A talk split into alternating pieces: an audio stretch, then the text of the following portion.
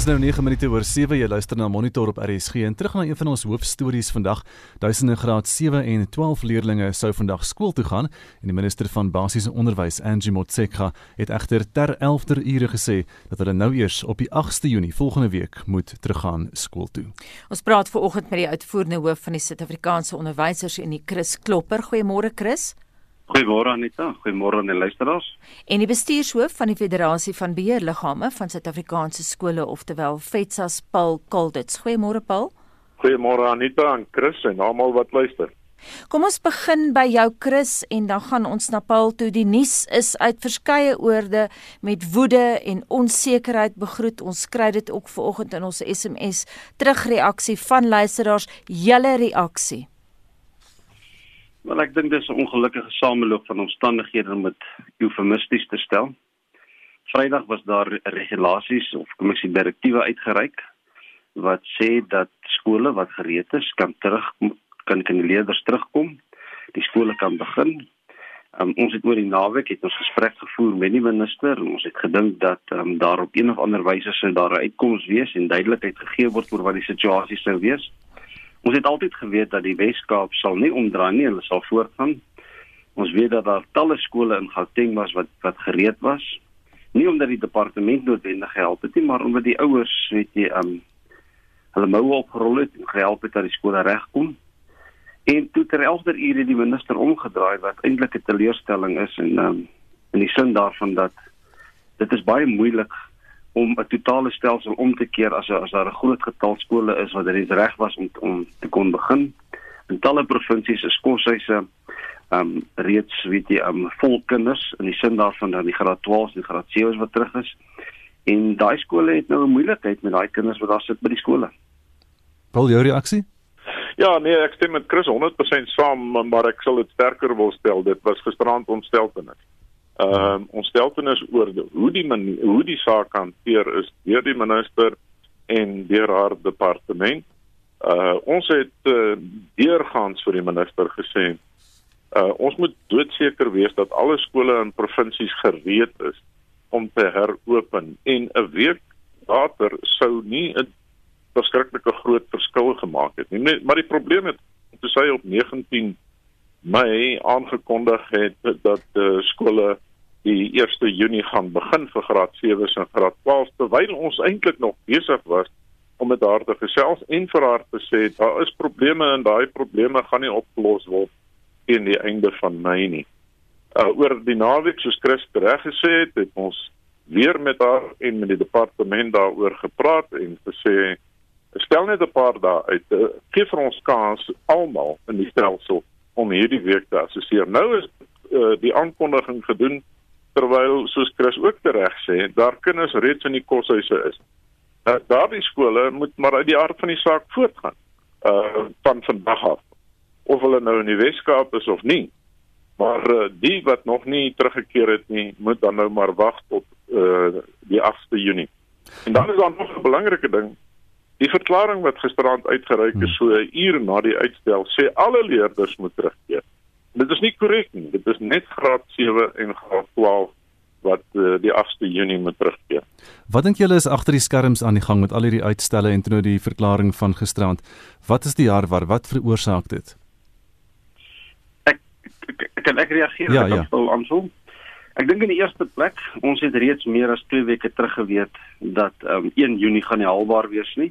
Verlede week deur die loop van die week was dit baie duidelik geweest dat sewe van die provinsies is hoegenaamd nie reg nie. Hulle sê dat hulle is so 70-80% reg. Ek wil so ver gaan om te sê ek dink hulle sal hoogstens 50% reg wees daai sewe provinsies um, as as ons vandag sou moes oopmaak. Hmm. Wat agter die skerm sit, weet ons dat die Suid-Afrikaanse Menseregte Kommissie het intens belang gestel in hierdie hele proses. En wat ek kon aflei is dat indien die minister sou voortgaan sou daar die moontlikheid gewees het van 'n dringende hofbevel en dat ehm um, dit dit dit die hele proses weet jy in die in in die sand kon laat knars. Die ander belangrike aspek is daar was groot druk gewees uit verskeie gemeenskappe om te sê dat jy kan nie die skool oopmaak as die skool nie reg is nie en dat jy kinders se lewe in gevaar stel.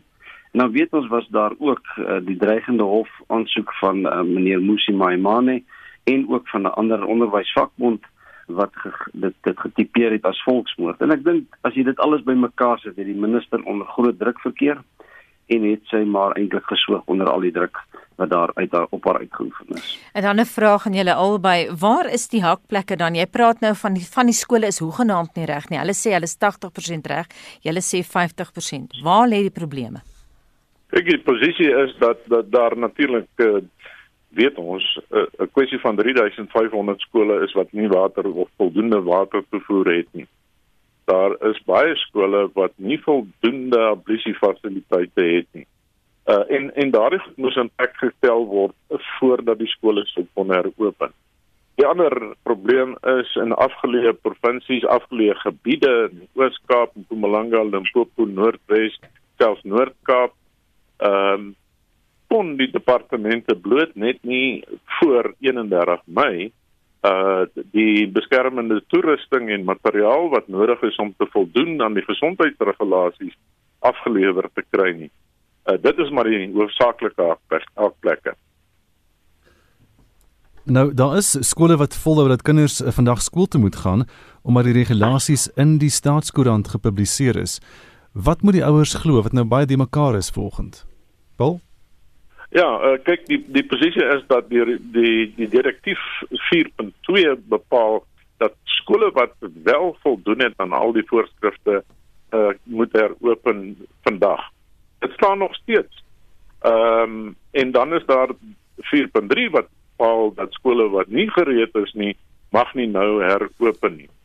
Ons advies is dat uh skole self moet besluit, die beheerliggame van skole self moet besluit, is hulle gereed of is hulle nie gereed nie, maar daar's geen voorskrif oor wie daardie besluit moet neem nie en daardie omstandighede moet die beheerliggaam die besluit neem. So die beheerliggame sal nog steeds die besluit kan neem om te sê ons heropen vandag al het die minister gesê die 8ste want ons voldoen aan haar direktief. Ehm um, maar as die daar twyfel is oor die gereedheid van die skool moet nie heropen voor 8 uh, Junie nie. Hmm. Christus het ook grafieke uitgestuur wat daarop dui dat sommige grade eers in Augustus gaan terugkeer skool toe. Hoe akkuraat is dit? Nee, daar's geen twyfel nie. Dit staan in die direktiewe dat um 6 Julie en dan in Augustus is die is die laaste groepering wat terugkom. Um ons persoonlik van die SOW se kant af, ons dink die tydsraamwerk is te lank. Dit hoef nie so lank te wees nie, dit kan baie korter wees. Ons verstaan die beginsel dat hulle dit graag wil infaseer, maar om elke keer weet jy dit met 'n maand uit te skuif, dit maak doodgewoon nie sin nie. Maar dit kan alle waarskynlikheid tekenend wees daarvan dat um, op administratiewe vlak is hulle doodgewoon net nie gemaklik om dit korter te maak nie. Want ons weet uiteindelik as jy vra die laaste groep moet inkom, dan gaan daar 13 miljoen kinders in die stelsel wees en doodgewoon as jy dan kyk wat dit beteken in terme van logistiek. Jy praat van omtrent 27 miljoen ma maskers wat dan omloop moet wees. So ek dink dit is miskien een van die redes dat hoekom hulle so ver um die intervalle maak, maar uit 'n onderwyskundige oogpunt maak dit nie sin nie. Ek dink kinders verloor doodgewoon net te veel werk. Paul daar skole wat sê ouers kan in gevolge artikel 3 van die skolewet nie weier om hulle kinders skool toe te stuur nie. Ons het gehoor van baie ouers wat sê daar's nie 'n manier dat hulle hulle kinders gaan gaan in hierdie skole instuur nie. Kan jy vir ons duidelikheid daaroor gee? Is dit onwettig om jou kind uit die skool te hou en wat kan met jou gebeur? Kyk, uh, die die skolewet bepaal dat kinders tussen die ouderdom van 7 en 15 jaar skoolpligtig is. So streng gesproke kan daardie ouers nie hulle kinders uh, weerhou van skool toe gaan nie tensy hulle hulle geregistreer vir tuisonderrig Maar ek dink almal sal verstaan as daar vrese is of as daar onderliggende gesondheidsrisiko's by kinders is dat uh, ouers uh, hulle kinders liefs by die by die huis sal wil hou. Ehm um, dan moet daar 'n reëling getref word met die skool ehm um, om seker te maak dat die kind steeds onderrig ontvang. Die direktief wat uh, ons nou na verwys het, maak ook voorsiening vir verskillende modelle van uh, skoolhou vorentoe uh soos byvoorbeeld dat een groep leerders ehm um, op uh een dag kom in 'n volgende groep op 'n volgende dag of een groep uh in een week in die volgende groep 'n volgende week alles op die basis dat daar op geen stadium meer as 50% van die kinders in die skool moet wees nie. So dit is ook 'n besluit wat elke beheerliggaam moet neem uh, in Chris, ek weet nie of ons Paul daar verloor het nie. Dit klink dalk so, maar kom ons kyk na kinders se skoolpunte. Ons het baie negatiewe reaksie vanoggend van luisteraars gehad en uh, veral wat die arme matrieks aanbetref. Een ma wat sê haar dogter is heeltemal in trane. Wat gaan gebeur met die matrieks van 2020? Ek dink dat indien daar nou netjies gefokus kan word, sal die matriekjaar gered kan word. Um, ek dink die onderwysers is goed genoeg opgelei. Ek dink hulle het die kurrikulum onder die knie Ek dink wat ook belangrik is is dat die normale tendensies grade 11 en 12 word as 'n een eenheid beskou en dat die skole daarop mik om teen middel van die jaar weet jy al die werk afgehandel te hê. Party skole werk tot en met so maar April maand om dit afgehandel te hê en dan die res van die jaar vir hersiening te gebruik. Daar sal uiteraard nou 'n bietjie minder um, tyd beskikbaar wees vir hersiening, maar ons moet in ag neem die volgende een dat die Junie eksamens gaan nie plaasvind nie. Daar wen wen ons omtrent so 3 weke. Die Junie vakansie word met 2 weke verkort, so daar's nog 'n 2 weke.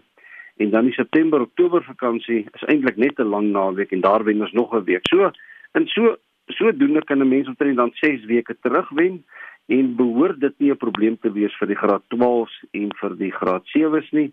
Um, die graad 7 se kurrikulum word omtrent met so 10% ingekort en al die ander grade sal daar gefokus word op die primêre boustene.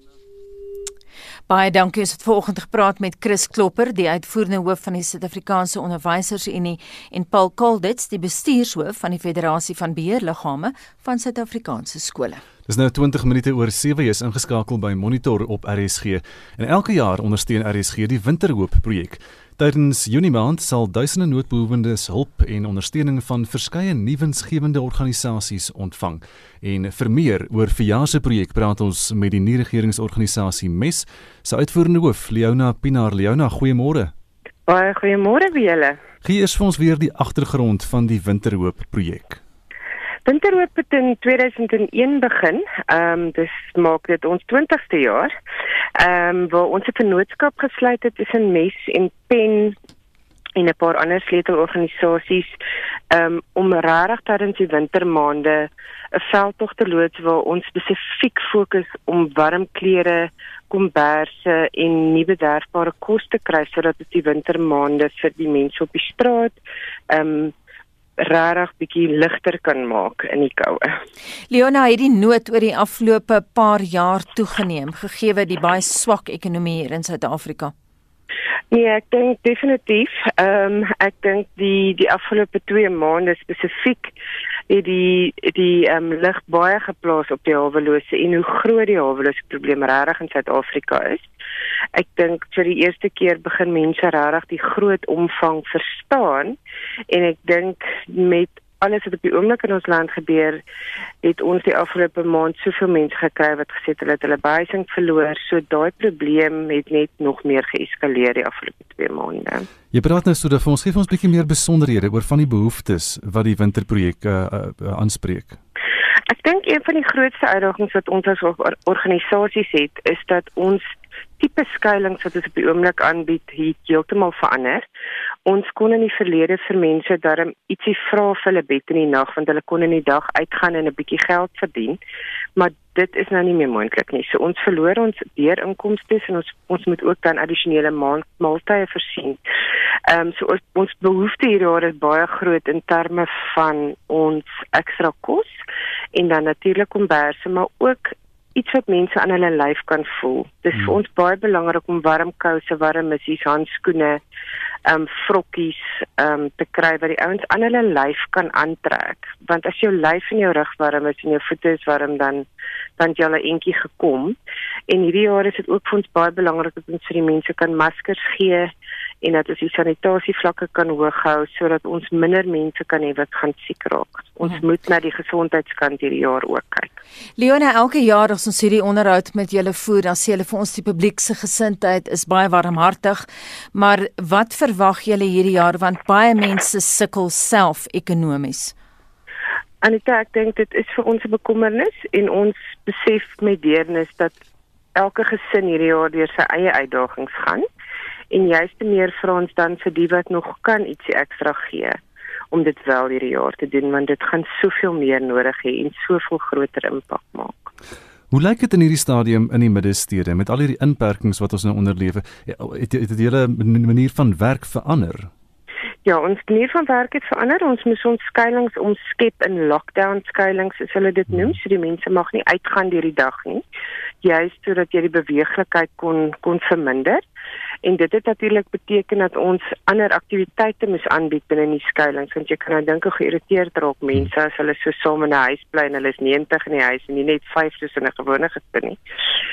Ehm um, so ons het 'n breiprojek begin waar die ouens hulle self begin missies en truitjies brei het of uh, en ons het 'n paar swanger vrouens in van ons skuilings so daar vir babas gebrei. So ons het probeer om met kreatiewe aktiwiteite vir die mense besig te hou wat ook terapeuties is want hulle is deur hulle eie trauma. Jy kan nou dink hulle is opgelaai uit verskillende hoeke en punte en net na skuilings toe geneem.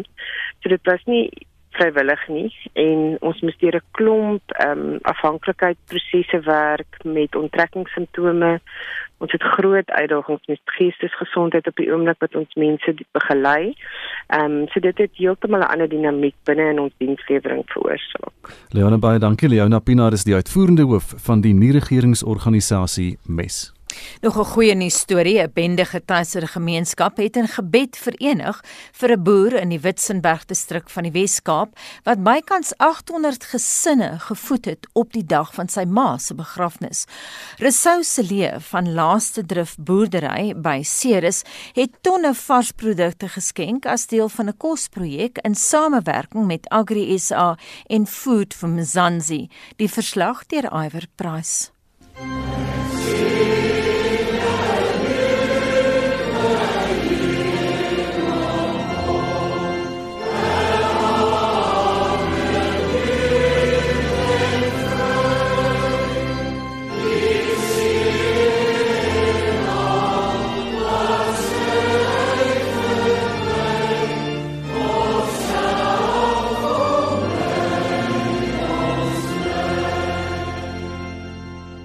Op die plaas Laaste Drif in Ceres het die naasbestaandes van Irene Silje 50 stoele uitgepak vir haar roudiens in die tuin waarvoor sy so lief was. Silje is in die ouderdom van 93 jaar oorlede.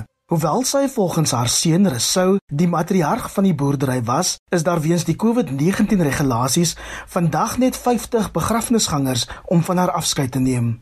Ek sal die Here haar vir die besondere mens wie sy was, iemand wat liefde gegee het, iemand wat ander beskerm het in plaas van om te verwag om beskerm te word. Iemand wat gegee het sonder om iets terug te verwag. Iemand wat gelukkig was, sy ander kon help, sy het haar liefde aan almal uitgedeel. Net meer as 100 km verder staan daar omtrent 50 vrywilligers met gebuigde hoofde in die parkeerterrein van Scottsville Sekondêre Skool in Kraaifontein. Hulle het die Silje gesin nog nooit ontmoet nie, maar onder die leiding van biskop Robert Natal bid hulle dat die gesin onderskraag sal word en ook dat God hulle familie sal vertroos met die heengaan van hulle moeder. Dan bid ek ook dat die Here alle boere in ons land sal seën en ook beskerm dat hulle altyd deur sal weet om goeie dade te doen en dat die Here hulle boerdery en hulle plase baie vrugbaar sal maak in die land Suid-Afrika. Resou Silje, wat al voorheen as Suid-Afrika se boer van die jaar aangewys is, sê sy ma was nog altyd 'n omgee mens. Dit is waarom Laaste Drif in samewerking met Agri SA selfs op die dag van haar ter aarde bestelling voortgaan met 'n voedingsprojek vir bykans 800 gesinne. Christo van der Rede, die adjunkuitvoerende direkteur van Agri SA, sê boere het landwyd ingespring om hulpbehoevende gemeenskappe tydens die inperking te help. Suid-Afrikaners is inderdaad baie baie bevoorregte mense. En die rede is eenvoudig. Ons het 'n klomp boere in ons land wat werklik wil omgee vir al ons mense, ongeag wie hulle is, waar hulle self bevind. Nie net produseer hulle kos vir die mark nie, maar Hulle voorsien ook kos aan noodlydendes, mense wat 'n behoefte het, mense wat honger is op hierdie stadium. Dit is ongekend. Oorsese boere ploeg liewer hulle aardappels terug in die grond of hulle stork hulle melk. Maar nee, Suid-Afrikaanse boere stap die ekstra myl.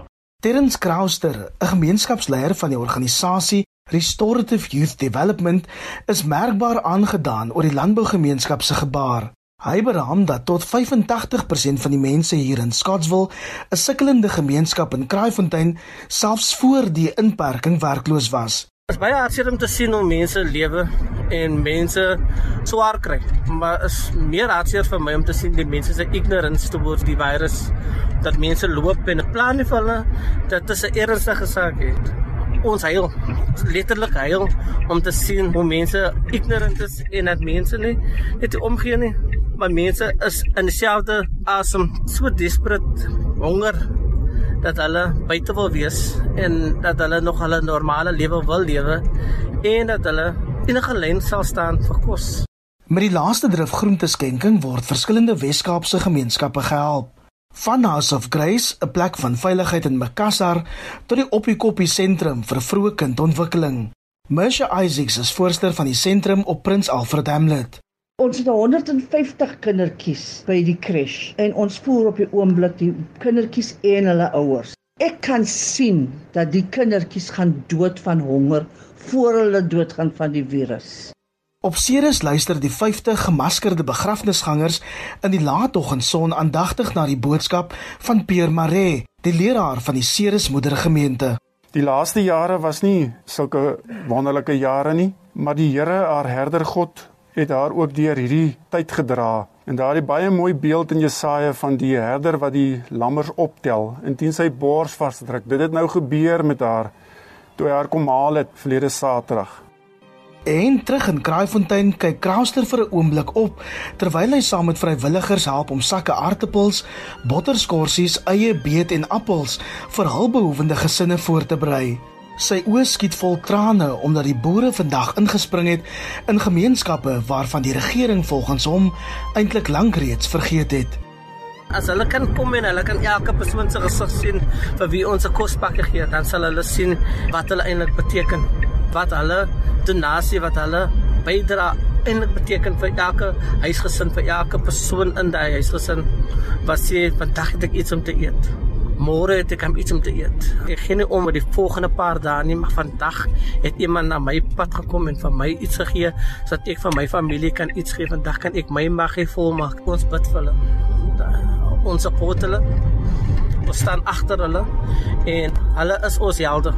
Hulle is definitief ons helde.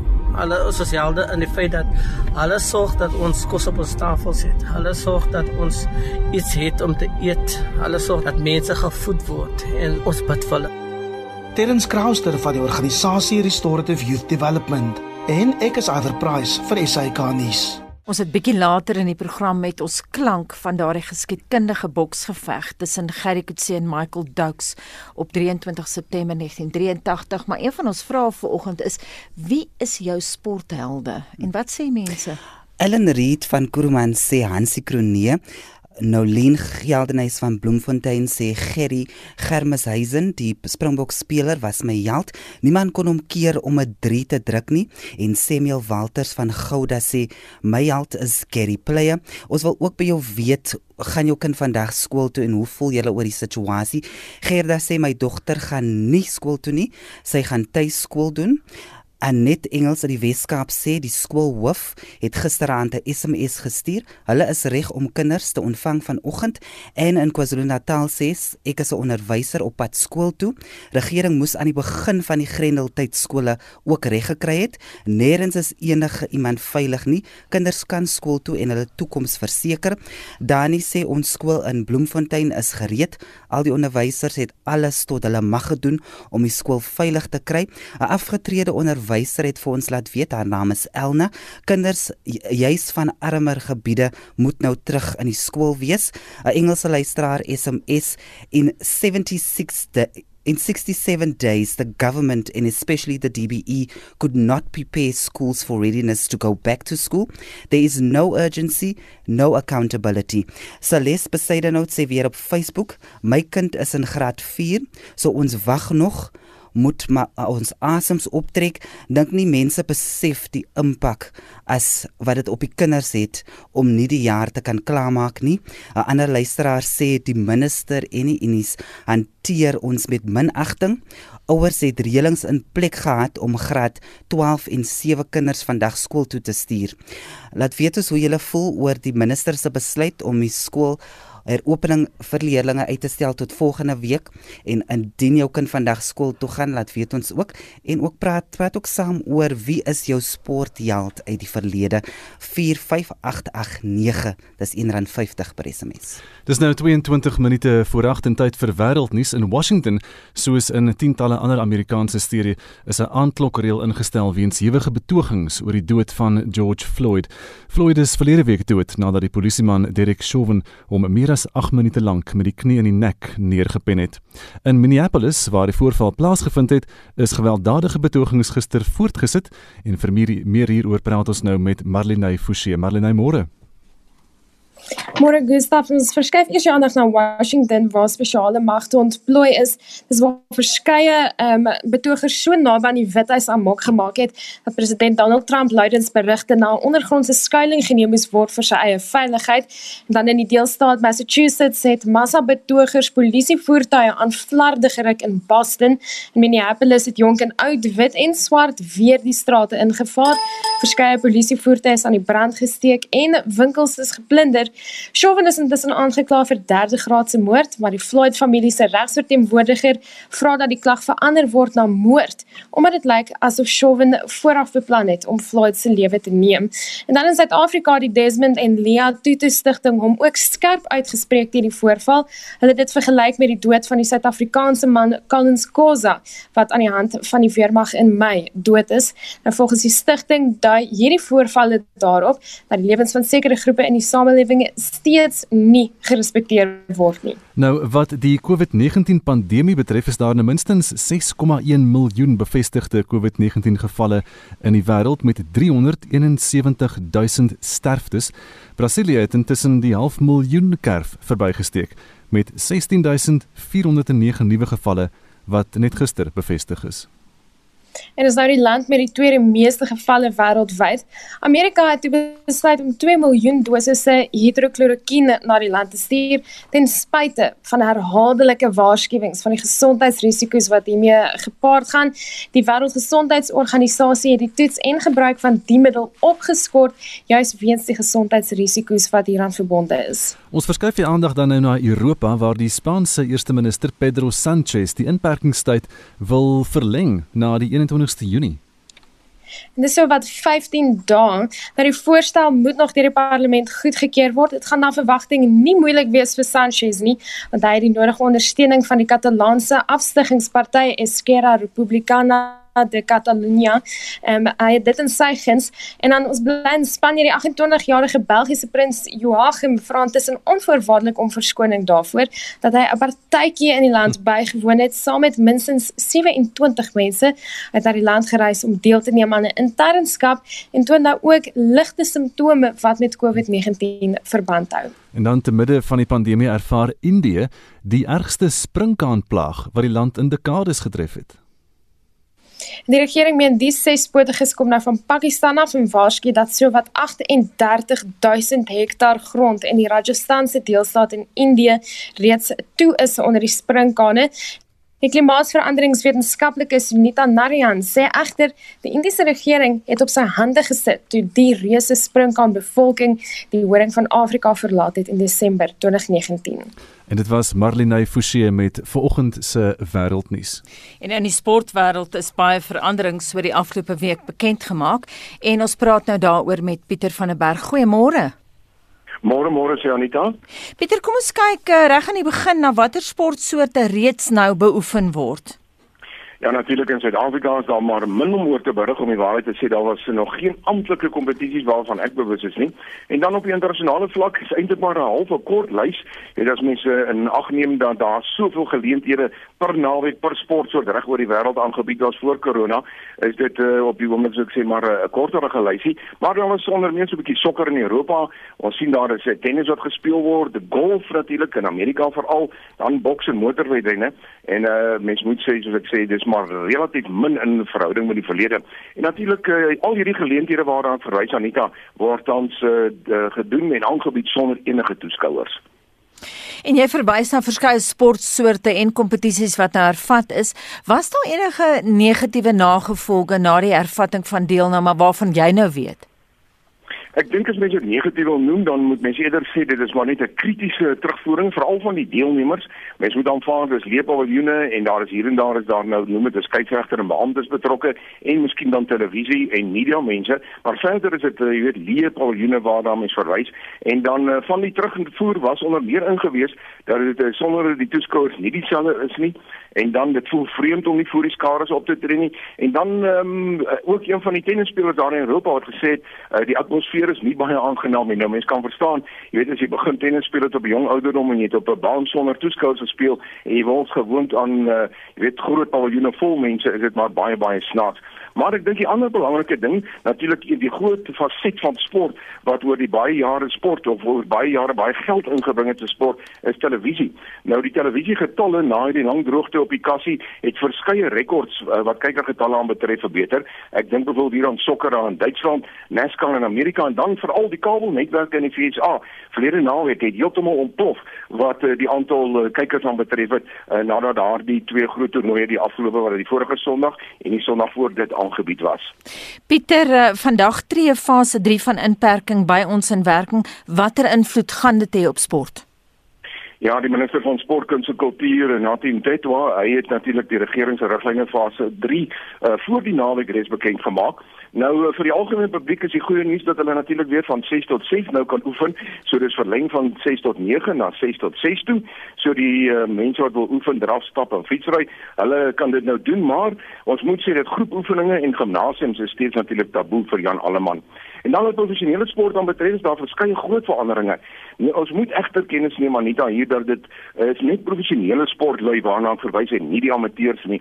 Nou eerstens wat uh, nie kontaksporte aan betref, hierdie sporte mag dadelik weer oefen en kompetisies hervat en natuurlik ook sonder toeskouers, maar dit sluit sportsoorte in soos cricket, swem, golf, tennis, hokkie, gimnastiek asook roei en brandery. Maar dan moet ons ook loer natuurlik na die kontaksportsoorte. Nou die twee belangrikstes hier wat uh, ons in ag moet neem is sokker en rugby. Nou hulle kan dadelik begin oefen. Verskoning, maar daar's nog geen wedstryd wat gespeel mag word nie. En natuurlik is alle sportliggame nou besig met die beplanning. Ons moet onthou die minister het gesê daar is sekere riglyne en daardie riglyne word nou baie duidelik deur elke een van die sportliggame uitgestippel en dit natuurlik om te bewys of uh, te verhoed dat daar enige probleme gaan wees wat uh, die koronavirus verspreiding aan betref en natuurlik om die veiligheid van die spelers te verseker.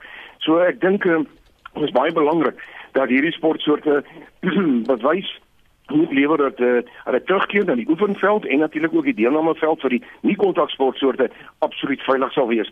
En dan 'n baie ander interessante ene is daar steeds nie duidelikheid is of golfbane vir klublede mag oopmaak nie. Volgens uh, Golf Extra het hulle gister 'n goeie samesprekings met die minister gehad, maar soos ons sê daar steeds nie duidelikheid wanneer die golfbane uh, gaan oopmaak uh, nie. Dit beteken dat alle golfklubs steeds gesluit bly op die huidige oomblik. Pieter, wat kan ons vorentoe op die internasionale sportfront verwag?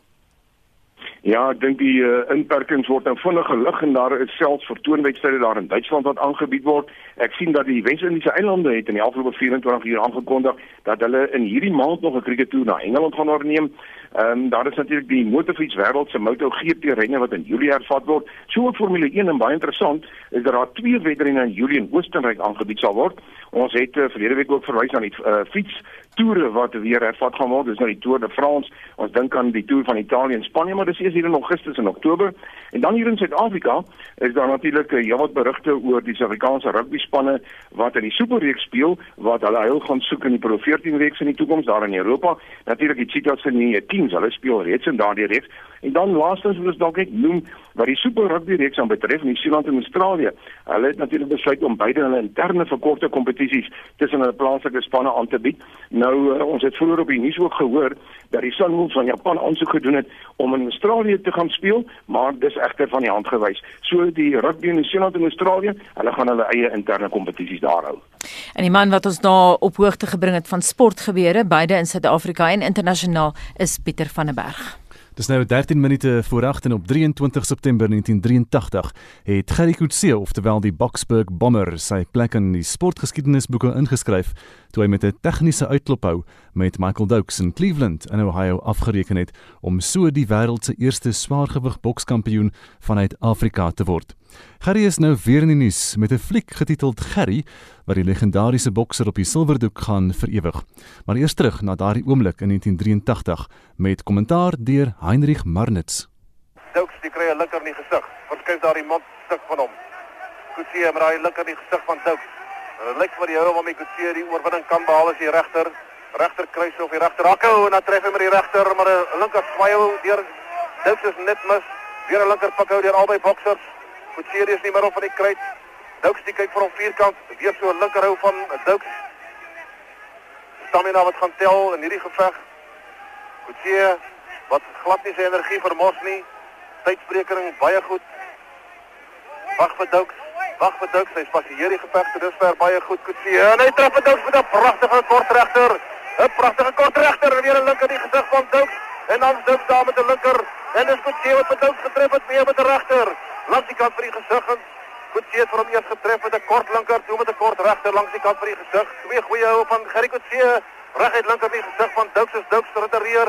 Doukes sien nie toe aan die oorkant regter op stopper is nie daar nie. En 'n pragtige regter deur Gerry Kutsie langs die kant vir die gesig van Doukes. En 'n linker in die gesig van Doukes. Ek Gerry Kutsie met reguit regter en hy het vir Doukes die moeilikheid. Hy het Doukes die moeilikheid. Doukes het vir Gerry Kutsie pas. Hy het vir Kutsie pas. Kutsie het vir Doukes die moeilikheid. Linker regter, regter linker. Doukes is die moeilikheid. Doukes is die moeilikheid. Hy het vir Gerry Kutsie pas. Gerry Kutsie moet afrond. Hy moet opvou. Hy kan nie wêreldkampioen word vanaand. Stokes is heeltemal bekwelm. Stokes hou hom vas. Gerry Kutsie slaap met Stokes. Stokes is 'n skryf vir hom. Stokes moet dit opvou. Sal hy. Stokes lê. Hy lê en die skeidsregter mors tyd. Hy kom sê vir Gerry aan die diskant. Jy moet gister hier op toe gaan. Hy mors tyd die skeidsregter self weer. Hy hy sê hy sê Gerry Kutsie is die wêreldkampioen. Gerry Kutsie is die wêreldkampioen. Hy slaan. Hendrik maar dit so opgewonde daar. Gerry, hoe voel dit om na daai klank te luister? Dit gee my hoendervleis. Dit was iets wat ek amper nie kon glo nie. Dit het eers die volgende dag en dis my kind gebore, Tana, my jongste kind. Dit was sommer 'n klomp mooi dinge op basies in 24 uur. Maar daai uitklop hou, Gerry het nou die 10de ronde gebeur. Jy sê Ja. jy kon dit nie glo nie. So jy het nie van meet af noodwendig gedink jy gaan met hom afreken nie of hoe het jy gevoel? Ehm ek het van my ander gevegte het baie van die persmense gesê ek is onfiks. Nou ek het agtergekom want ek het toe gaan oefen in die FSA en wat ek toe agtergekom het die Amerikaner het vir my gesê Jerry I want to know what you your training write it down and I want to see your training you did for fight in South Africa.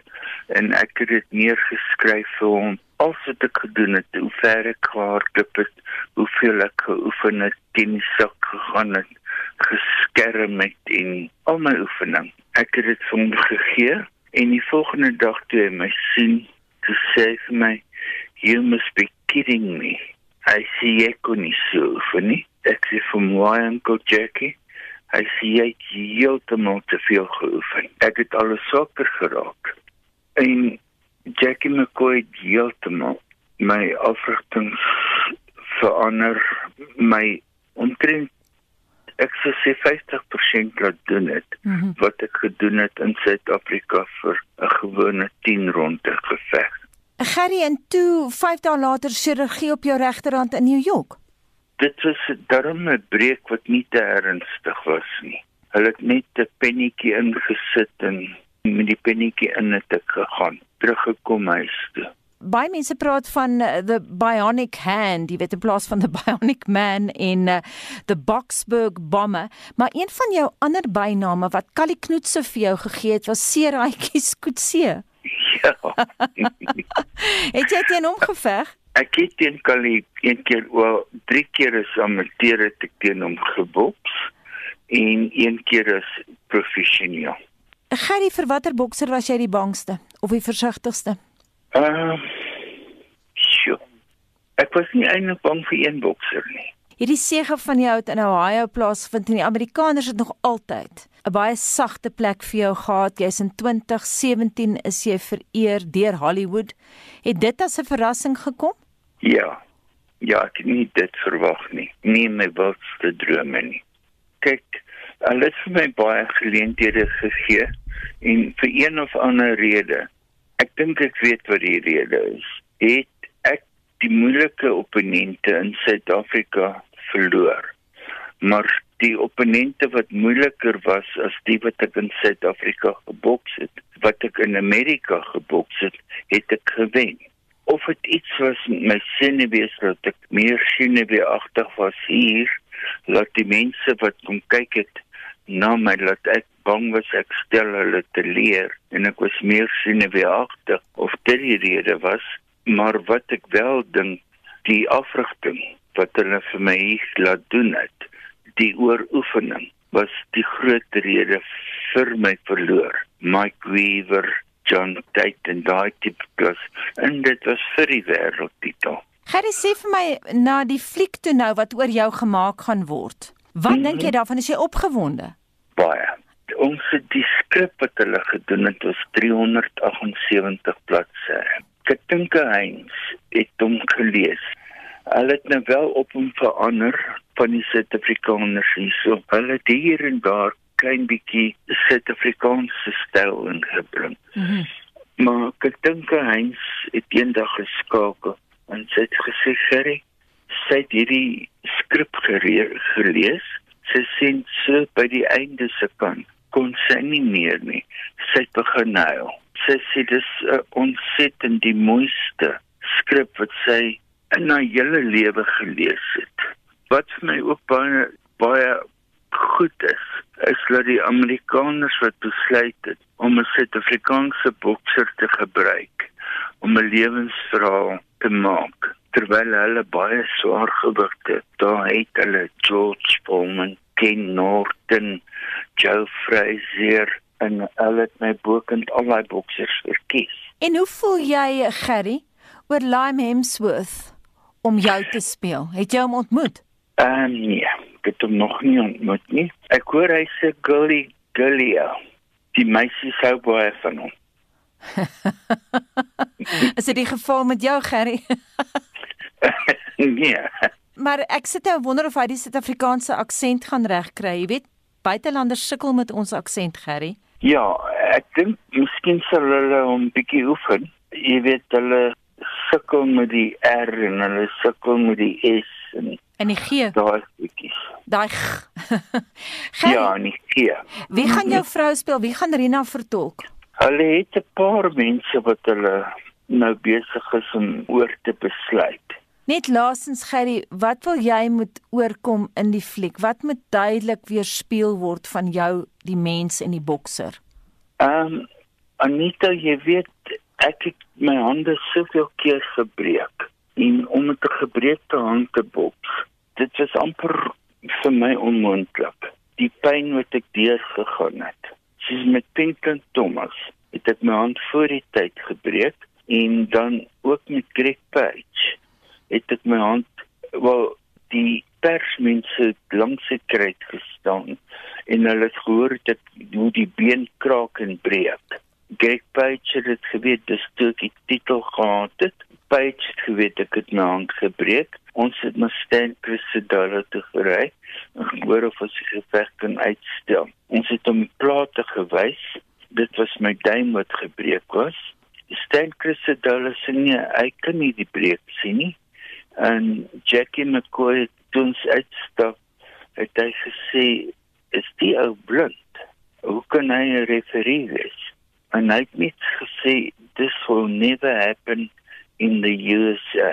Hy het vir my gesê ek moenie met dit voortgaan nie. En toe sê ek Uncle Jackie, al breek ek my linkerhand, sal ek ook maar nog moet aangaan met die boksing. Hulle gaan die titel by my wegvat en ek gaan geen inkomste kry. En ek is wêreldkampioen. En dis dan Gerrie Coetzee wat in September 1983 die wêreld swaargewig bokskampioen geword het en die klankbydra is opgespoor met die hulp van Karen de Tooy van die SAIK se klankargief.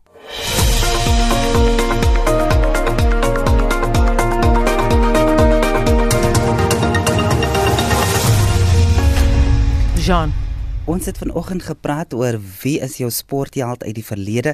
Johan sê die beste springbok nog is Andre Joubert. Christel Pretorius Botha sê Pieter Ngubeni en Sakile Nzimande, Susan SMS, Hansi Kronie. 'n Ander luisteraar sê Nas Botha, Petrus sê Jacques Calles, dan wou ons weet van jou kinders gaan hulle vandag skool toe. 'n anonieme luisteraar SMS ek wil nie my drie kinders skool toe stuur nie. Hulle wil nie gaan nie. Aanlyn leer deur die skole op Teams en Classroom werk perfek die laat die graad 12 leerders klaar maak dan Ilse Kronie hier van uh, sy is van Swellendam in die Weskaap en sy sê haar dogter is matriek. Sy word terug skool toe gestuur en hulle hoop hulle kan die skoolloopbaan voltooi. Dan 'n ander luisteraar sê hoekom is daar nog hoëgenaamd skoolvakansies Buttermin skool het aanlyn klasse aangebied. Dankie dat julle vanoggend saamgesels het. En net vir ons klaarmaak vanoggend hoe lyk Spectrum se dagboek later vanmiddag Marlenae Vlak 3 van inperking tree vandag landwyd in werking en ons kyk wat gebeur by die land se skole en drankwinkels. Die minister van basiese onderwys sal vanoggend meer duidelikheid verskaf oor die omeswaai wat betref die heropening van skole en verskeie gemeenskapsentrums in die Wes-Kaap loop deur onder vandalisme. Is die inperkingstydperk. Jy kan inskakel by ons vanmiddag tussen 1 en 2 op Spectrum op RSG. Ons groet namens ons waarnemende uitvoerende regisseur Hendrik Martin. Die man aan die warm stoel vanoggend was Justin Kennerly, ons produksieregisseur Daitron Godfrey en ek is Anita Visser. Onthou die volledige program sal op potgooi beskikbaar wees op ons webwerf by rsg.co.za. Bly ingeskakel. Volgende is Lenet Fransis Buren met Praat saam. Ek is Gustaf Vreiling en mooi bly tot môre oggend om 6.